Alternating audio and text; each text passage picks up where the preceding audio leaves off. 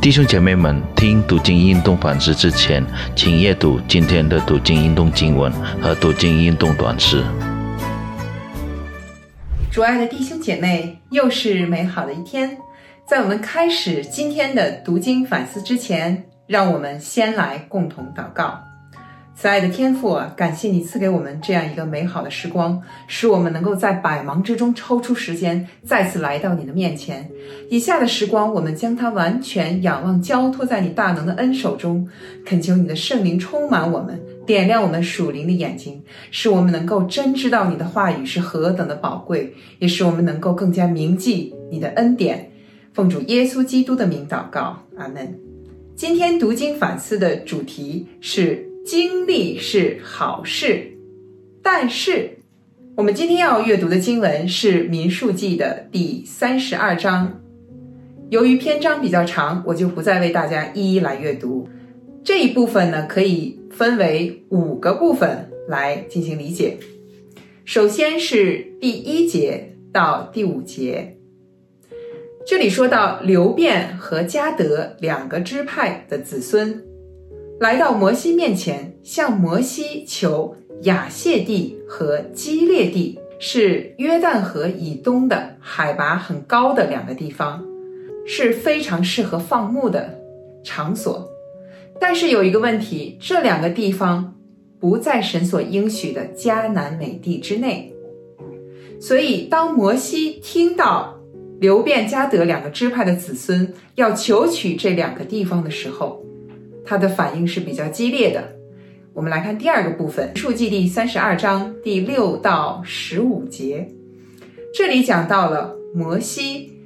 对加德还有流变两个支派的警戒，甚至是警告，也就是作为探子的时候，他们并没有充满着神赐予他们的信心，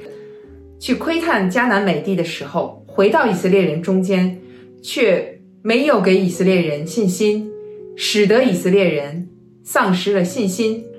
第三部分呢是第十六到二十七节，在摩西如此强烈的警告之后，流变和加德两个支派的子孙并没有退缩，相反，他们向摩西提出了他们具体的方案和解决的方法。从第十七到第十八节，我们可以看出，这里说到。他们要自己带兵器，行在以色列人的前头，也提到了他们要如何安置自己的妇人还有孩子。第十八节说：“我们不回家，只等到以色列人各承受自己的产业。”听到这里的决心和具体的方案，那么接下来就是第四部分，《民数记》第三十二章的第二十八到三十二节。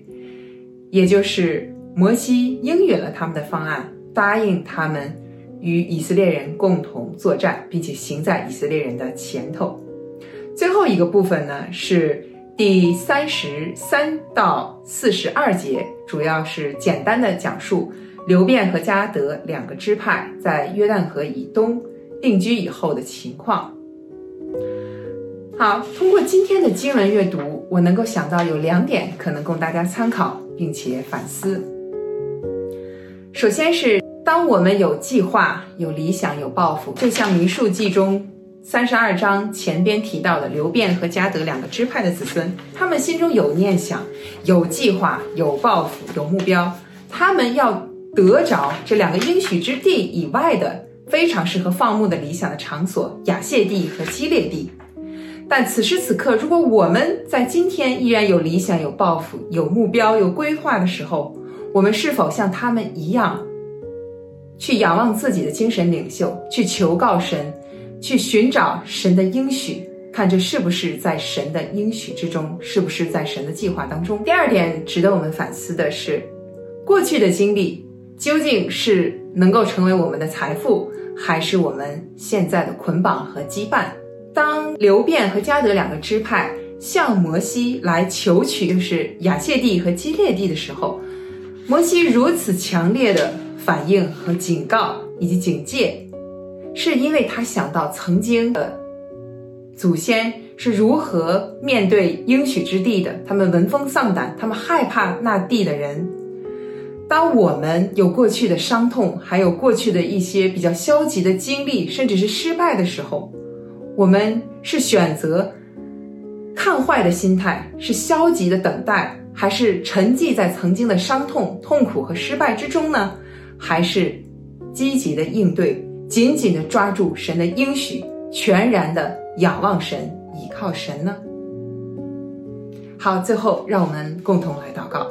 亲爱的天父啊，感谢你使用民数记第三十二章的话语。虽然这篇章长，但我们知道每一句话都有你的应许，都有你的亮光。哦，主啊，当我们遇到困难，当我们遇到艰难的时候，当我们遇到挑战，甚至是我们心中有想法、有思念、有理想、有规划、有抱负的时候，主啊，求你的圣灵充满我们，使我们明白，那规划的、那操纵的、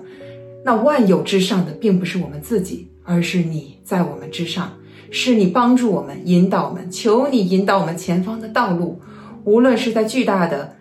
宏伟的抱负和计划之中，还是在各种各样的考验、历练，甚至是艰难痛苦之中，都恳求你引领我们前方的脚步，使我们有一颗受教的心，使我们能够时时刻刻的铭记你的恩典，铭记你的应许是何等的宝贵。使我们能够全然的仰赖你，依靠你，摒除一切的看坏的、消极的，还有各种各样苦读的心态，而是将目光定睛在你的身上，全然的仰望你的救恩。奉主耶稣基督的名祷告阿门。